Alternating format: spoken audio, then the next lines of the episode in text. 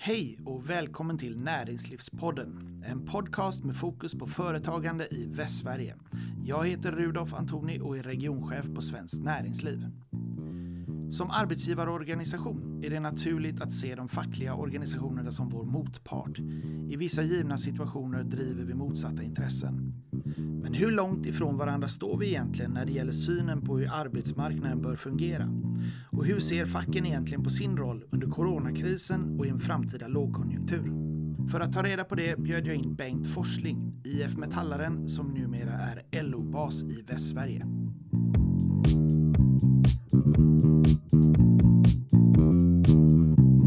Ja, då sitter jag här med eh, Bengt Forsling som är chef för LO-distriktet i Västsverige. Välkommen till Näringslivspodden. Tack så mycket. Eh, jag tänkte att vi skulle ta eh, ett avstamp här lite grann vem, vem du är och, och hur, du, hur resan har sett ut för, för dig fram till den här positionen du är på nu. Jo, man kan väl säga jag är utbildad skeppare och marinbiolog. Jag gick ut på Lindholms gymnasium 86 men skulle bli fotbollsproffs och då valde jag en anställning på SKF. Eh, och där skulle jag bara jobba fram till jag blev fotbollsproffs men jag blev aldrig det. Så istället blev jag kvar på SKF i 14 år. Så jag är ju skolad kan man säga inom kullagerindustrin som svarvare och slutade som logistikansvarig här i Göteborg. Eh, man kände att jag ville jobba med människor. Jag har haft fackligt engagemang sedan 87 på SKF. Blev ombudsman då på Metall i Göteborg 2000 och var kvar där i 13 år. Eh, blev ju IF Metall sedan 2006. Sen 2013 så valde jag faktiskt att flytta till Stockholm, hur dumt det än kan låta för en från Göteborg och Västsverige. Eh, och blev kommunikationschef på IF Metall. Jobbade där uppe i fyra år men eh, med barn och boende här nere på västkusten så kände jag att jag ville komma hem och när LO-distriktet i Västsverige sökte ny distriktschef 2017 så sökte jag det jobbet och har det då i, så vi har Väst, Västsverige då, Västra Götaland och Halland sedan eh, september 2017. När det gäller de fackliga organisationerna och eh, Svenskt Näringsliv som jag representerar så talar man ju ofta om det här med den svenska modellen. Skulle du kunna eh, säga lite grann vad det begreppet står för? För mig så står ju den svenska modellen för att man eh, på parterna på arbetsmarknaden gör upp om sina villkor och sina förutsättningar. Och jag känner, jag har ju det i min ryggsäck från SKF och väldigt tydligt. Eh, eh, man tittar på win-win frågorna för de anställda, för de som jobbar och de som äger företaget och hur kan man göra det så bra som möjligt tillsammans med samhället. Eh, så för mig är ju svenska modellen att eh, vi tillsammans tar ansvar för våran arbetsmarknad och våra villkor. Det är inte bara den ena parten mot den andra utan man försöker hitta win-win så att säga. Mm. Och ja. det är ju förhandlingssituation så det är ju liksom, det gäller ju att ge och ta. Man eh, vinner ju sällan en förhandling med 100-0. Mm, nej, så är det. Mm. Lärde du dig på fotbollstiden kanske? Ja, hur ser du på fackets roll för arbetsmarknaden? Jag tycker facket har en oerhört viktig del på arbetsmarknaden i Sverige och i, i min värld så eh, ser jag ju facket som en medspelare då på arbetsmarknaden. Eh, att vara de som tillsammans med eh, företagets ledning utvecklar villkoren. Eh, ofta så den fackliga organisationen har bra kunskap om de anställda och sina medlemmars förutsättningar att arbeta eller att utbildas och andra saker. Jag tycker facket har en viktig nyckelposition tillsammans med företagsledningar eller branschledningar. Mm. Och om, om vi skulle vända på frågan och, och ställa frågan till eh, Svenskt Näringslivs medlemsföretag. Hur tror du att deras bild är av LO och den fackliga rörelsen? Jag har ju min längsta arbetsbakgrund inom industrin och där industrins parter inom Industrirådet har ju en väldigt god partsamverkan. Eh, teknikföretagen numera och IF Metall tillsammans med Unionen och andra. Eh, sen har vi ju branscher där man kanske inte riktigt eh, är lika likställda som, före, som företrädare från fackliga organisationer och även från arbetsgivarorganisationer. Så jag tror man, man borde lära sig mer av varandra. När funkar partssamverkan? Och det, det är väl någonting jag själv har fått tvingats lära mig mycket sedan eh, september 17 när jag började på LO. Att, att inse att i handeln är det på ett helt annat sätt, inom byggsektorn är det på ett annat. Och, och inte minst hur arbetsvillkor ser ut i olika branscher. Eh, och där tror jag man har en viktig partssamverkan att göra genom att förstå varandras eh, situationer lite tydligare än vad man gör idag. Mm. Jag tänkte jag skulle utsätta dig för en liten klurig fråga här. En kluring helt enkelt. Mm. Och det är om du kan säga tre saker som du tror att vi enkelt skulle kunna komma överens om. Och sen eh, någonting som du tror att vi aldrig kommer komma överens om. Mm.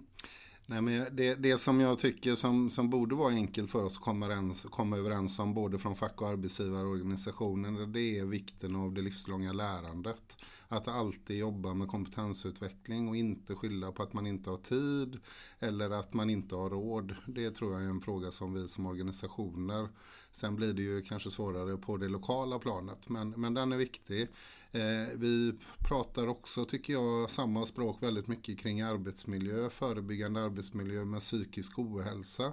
Som inte alltid beror på arbetssituationen men eh, det som kallas för livspusslet är ju en sån situation som påverkar prestation eh, hur jag klarar mitt jobb och så. Jag tycker det är också frågor vi borde kunna komma överens om. Hur kan vi förebygga arbetsmiljö så att människor håller livet ut. Det är ju liksom win-win återigen då för båda sidor. Mm, mm. Sen, sen, är det väl de svåra bitarna och jag vet nu när man skulle varit i en avtalsrörelse så finns det ju företrädare som säger ja men då ska inte Svenskt Näringsliv och facken prata med varandra men men eh, att prata lönenivåer kommer vi nog ha väldigt svårt att tycka att nollbud alltid är det bästa budet från fackens sida. Då. Eh, så, så det är väl en sån fråga. Men jag tycker den kan man ju lägga åt sidan när man pratar om de här två första som vi faktiskt kan vara överens om ganska snabbt. Mm. Och tillsammans driva opinion kring vikten av att vi får resurser för det arbetet. Jag tror att eh, jag kan hålla med dig mm. om, om de frågorna. Sen är det ju det här med många av våra gemensamma frågor eh, rörande arbetsmarknaden. Ju, ligger ju lite grann på förhandlingsbordet i dagsläget. LAS till exempel. Mm. Uh, hur viktigt är det att det blir en partsöverenskommelse istället för lagstiftning när det gäller den typen av frågor tycker du? Men jag tycker det är ganska solklart att eh, det ska inte vara en lagstiftning, det ska vara parterna. Och det, det handlar helt enkelt om att vår arbetsmarknad är så fruktansvärt olika beroende på vilken bransch vi pratar om. Och att ha en lagstadgad reglering som gäller rakt över för alla eh, blir ju väldigt stelbent och omodernt tycker jag. Att istället varje bransch bestämmer sina, sina avtal Eh, eller är överens om det som blir dispositivt mot en rådande lag. Det tycker jag ju är liksom en mer smakfull väg. För vi kan liksom inte ha samma lag eller samma gällande delar i alla branscher utan då gör man ju sina branschspecifika avvägningar. Mm. Det rör ju på sig de här sakerna inte bara i Sverige utan även i EU mm. så är ju frågan om att införa någon slags minimilöner som ska gälla eh, över hela EU. Mm. Eh, hur viktigt tycker du är att upprätthålla den svenska modellen eh, och, och det här som du mm. nämnde alldeles nyss? Ja, men jag tycker det är jätteviktigt och det är avgörande för vår arbetsmarknad. Det är att det är vi som sätter villkoren på vår svenska arbetsmarknad. Vad är det för löner och avtal som gäller här? För annars får vi ju liksom A och B-lag på arbetsmarknaden eh, tycker jag då. Utan eh, eh, om, vi, om branscherna här i Sverige på våra arbetsplatser reglerar villkoren tillsammans så känns det ju mer smakfullt. Mm. Så befinner vi oss just nu i ganska märkliga tider. Det är maj månad eh, och eh, coronaviruset har farit fram över hela världen. Ställt gamla sanningar på ända och, och varit väldigt utmanande, förödande för många företag och i förlängningen för deras anställda. Eh, vilka frågor har LO främst drivit i samband med coronakrisen? Nej, men det, det, är ju liksom i olika steg får man ju säga. För det har ju gått så sanslöst fort i början. Och det var ju väldigt mycket panikläget. Och jag tycker vi var våra utredare och LO med den förbunden, de 14 förbunden med sina erfarenheter av tidigare kriser har ju ändå sett saker som inte riktigt funkar. Eh, bland annat så de här korttidspermitteringsavtalet som eh, Eh, en utredare då, Anders Färbe, hade lagt fram innan tyckte vi var väldigt, väldigt bra att man snabbt fick på plats för att de anställda skulle ha kvar sina jobb även om produktionen försvinner på grund av saker man inte själv råder över på företaget. Och det räddar ju både anställningar och det räddar jobb och vi såg efter fordonskrisen och finanskrisen att eh, där, där var Sverige inte konkurrenskraftiga för företagen var tvungna att nyanställa personal. Nu har man personal kvar i jobb. Sen får man ju se hur lång tid det tar. Eh, jag tycker för våran del på LO som vi drev väldigt hårt är ju den ekonomiska tryggheten. Eh, mm. Eftersom vi såg i början inom framförallt besök och handelsnäringarna att väldigt många människor som hade otrygga anställningar fick lämna jobbet och inte var kvalificerade för a-kassa. Så riskerar vi att få ett samhälle där människor står i ekonomisk otrygghet. Vad det innebär för både bostäder och fastigheter och barn i familjer. Och, så att man gjorde de regleringarna man gjorde i a-kassan var ju oerhört viktigt. Eh, och att man även har kompletterat. Så, så det är väl de delarna. Eh, sen, det har varit en hel del med eh, frågan om eh, kompetensutveckling och så Ja, också. och det låg ju med i det paketet som kom då med arbetslöshetsförsäkringens att man skulle lättare kvalificera sig. Så la man ju även ett stort, en satsning på utbildning. Det som heter yrkesvux och yrkeshögskola. Och det är ju sånt som vi som parter på arbetsmarknaden jobbar väldigt mycket med. Att kunna skapa de här utbildningarna som kan stärka individ, företag och samhälle även i en kris. Men inte bara i corona. Men det här har ju snabbat upp väldigt mycket då. Mm. Så vi tycker det är jättebra initiativ. Eh, möjligheten att eh, permittera personal eh, bygger på en överenskommelse med facket. Mm. Är det din bild att det här har fungerat bra generellt sett? Eller? Alltså man, man, måste också se till att hotell och restaurangfacket som ett av de minska, minsta fackförbunden fick ju det här i knäna och just att man, de var snabba ut och teckna med sin eh, arbetsgivarorganisation eh, möjligheten att teckna korttidspermittering.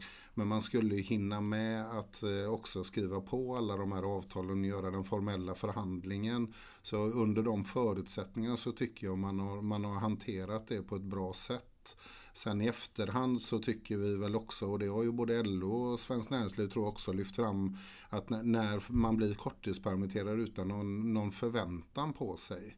Eh, vi hade ju gärna sett att man hade haft med den här möjligheten att eh, ja, begära utbildning under permittering. Mm. För det hade ju varit att tillvara på skattebetalarnas pengar som man ändå får i lön nu när man går hemma. Mm. Eh, nu har ju det kommit den möjligheten och flera organisationer tecknar ju bland annat hotellkedjorna då mm. med att man får kompetensutveckla sig under permittering och det, det är ju rätt väg att gå. Ja, det, för det är ju ett sätt att nyttja den här tiden ja. som, som frigörs till någonting positivt i förlängningen. Mm, mm. Absolut.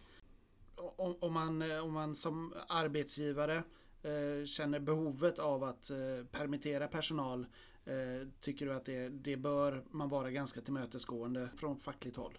Jag tycker att man ska vara det och det, det är ju en, men också då att eh, våra fackliga företrädare behöver också förstå värdet av att eh, de som friställs eh, från att gå till jobbet tar den möjligheten som erbjuds nu då via, för det är ju liksom en hel, ett helhetspaket att man, man får möjlighet till en korttidspermittering, man får också faktiskt en möjlighet att kunna kompetensutveckla sig under en, en krissituation. Vilket kommer stärka ens möjligheter att ha kvar sitt jobb i framtiden. Då. Mm. Nu är det ju väldigt osäkra tider och vi vet inte riktigt hur utvecklingen kommer se ut framöver. Men eh, det finns ju en, en risk för att vi går in i en, en långvarig lågkonjunktur. Mm. Hur ser du på fackets roll och uppgift i, i en sån situation? Ja, men jag, jag håller med dig. Alltså, korttidspermitteringen är ju en övergångslösning och som det ser ut nu så är det ju en oroande höst eh, som vi har framför oss där förmodligen eh, en del kommer övergå i varsel och även i branscher där, där man gör det. Och då blir den fackliga organisationens roll eh, just att vara en informationskanal till sina medlemmar. Att skapa en förståelse för det de drabbas i. Och jag var ju ombudsman på IF Metall 2008 när i Göteborg. Vi hade 20 000 medlemmar och fick 7 000 varslade inom fordonsindustrin. Eh, och det som vårt största jobb då var, vilket det kommer bli igen, det var att informera människor om vad ska de göra nu. Vi jobbar ju jättenära Arbetsförmedlingen på den tiden och vi har ju våra omställningsleverantörer TSL och TRR då till exempel. Eh, att se till att människor snabbt kommer i ny sysselsättning eller i utbildning som kan stärka dem. Eh, och vi jobbade då och det behöver jag nu med med validering att när människor lämnar sitt jobb att man också har dokumenterat vad har man för kunskap. Mm. Det är mm. fortfarande så att eh, vi är dåliga på att dokumentera den kunskap som finns ute på arbetsmarknaden. Eh, att kunna ställa om mellan branscher och de bitarna. Då. Mm, så det snabbar ju på en omställning ja. på individnivå. Och där är ju branschvalidering tänker jag en sån viktig del i den här coronakrisen efter. Om man tar industrins parter så har ju de tagit fram bra valideringsmetoder som man faktiskt kan använda för att få människors kompetens dokumenterad och komplettera med utbildning till nya jobb. Mm, ja, det är något som man skulle kunna efterlikna i andra Ja, det sektorer. finns i många andra också. Men jag, som sagt, jag kan industrin bäst. Mm. mm. Eh, hur ser du på våran eh, partsamverkan här i Västsverige? Nej, men jag, jag känner att eh, vi har en jättebra relation, vi har en bra styrka tillsammans och jag tror att eh, när Svenskt Näringsliv och LO tillsammans uttalar sig och ofta ska man ju inte glömma heller unionen men vi är ju ganska stora parter på arbetsmarknaden och när vi pratar med politiken så har ju vi en hög trovärdighet och då gäller det ju liksom att kunna de här, apropå dina tre kluringar eller de här frågorna hur vi ser på vad kan vi bli överens om och inte. Men jobbar vi med de frågorna vi är relativt överens om så kan vi ju absolut få stor genomslagskraft för det som blir bättre. Både för de som äger företagen och för de som jobbar i dem. Mm. Så jag tror vi ska använda det mycket mer än vad vi har gjort tidigare egentligen. Mm. Mm. Um, det var nyligen första maj. Mm. Vilket av smittskyddsskäl inte kunde genomföras med sedvanligt demonstrationståg. Mm. Eh, hur gjorde ni istället och hur var det att ställa om den dagen? Jag vet att Vänsterpartiet körde någonting digitalt med World of Warcraft och, och mm. sådär. Eh, vad, vad gjorde ni? Ja, men LO är ju, har ju bara 14 medlemmar, det är ju de 14 förbunden. Men våra 14 förbund i de 55 kommunerna vi har organiserar 256 000 arbetare. Och vi har 38 lokala LO-fack. Målet är att det ska finnas ett i varje kommun. Och det är egentligen där allt vårt utåtriktade arbete sker. Och där blev man ju väldigt eh, handlingsförlamad den 13 mars då när man går ut med att vi inte får vara i folksamlingar. Mm. Så, så, det är klart att våran utåtriktade verksamhet har ju ställts om. Och på första maj så var det ju extremt. Och, och det, det som blev det var att köra det digitalt att eh, göra mobiltal, eh, filma dem, lägga upp på Facebookflöden, Instagramkonton. Eh, LO och Socialdemokraterna nationellt körde ju ett lite större event med Stefan Löfven och Karl-Petter Tovarsson. Och vi gjorde lite lokala delar i, i olika av de tio distrikten. Det vi fokuserar på i Västsverige som vi tyckte var en kul grej var att LO-facket i Mellerud och egentligen de som finns i Dalsland frågade om, eh, folk, om man ska följa myndigheten då får man inte vara folksamling. Eh, och de kör raggarbilar där uppe. Så de gjorde en karavan med sju eh, raggarbilar med faner och spelade Internationalen. Och körde mellan äldreboende där de hade beställt och fått utkört tårtor till personal och de boende för att hylla liksom personalens insats men de äldre som har byggt vårt land. Eh, så man stannade helt enkelt karavanen utanför och applåderade och körde vidare. Och det där fick lite uppmärksamhet och var en kul grej. Sen eh, klimatet och så är ju en annan fråga. Men själva initiativet tyckte vi var kul. Så vi hade en livesändning från Mellerud ifrån Raggarbilskaravan på våran Facebook som var lite rolig faktiskt. Eh, kreativt. Och mm. li, lite delar av, av gamla Sverige och det digitala nya Sverige samtidigt. Mm. Spännande. Jag tänkte avrunda den här intervjun med att eh, ställa fem snabba frågor. Mm. Eh, och de här är en del kanske enkla att svara på, andra är kanske lite mer besvärliga. Så är du beredd? Ja. Sänkt bolagsskatt eller reformerad LAS? Ja, då, då tror jag väljer sänkt bolagsskatt. Ja. Eh, valvinst för Socialdemokraterna eller SM-guld för IFK Göteborg? Den var ju riktigt klurig. Man fick inte säga pass heller. Nej, Nej, men jag, får, jag tänker långsiktigt och så tänker jag för Sveriges bästa i det faktiskt. Och då får det bli en valvinst för S. Mm. Free trade eller fair trade? Fair trade tycker jag är också viktigt och det handlar ju om hållbarhetsperspektiv. Att inte bara leva på de, eh, det som vi har här utan hjälpa andra också och stötta solidaritet. Mm. Eh, om vi sneglar över till USA. Joe Biden eller Bernie Sanders? Bernie Sanders. Mm. Sista frågan. Första maj-tåg i ett soligt World of Warcraft eller i ett regnigt Göteborg? Alltid i ett Göteborg. Sen har vi ju bara hög luftfuktighet i Göteborg. Det regnar ju aldrig här. Just det. Mm. Bengt Forsling, tack för att du medverkade i Näringslivspodden. Tack för att jag fick vara med. Du har lyssnat på Näringslivspodden, en podcast om företagande i Västsverige. Jag heter Rudolf Antoni och är regionchef på Svenskt Näringsliv.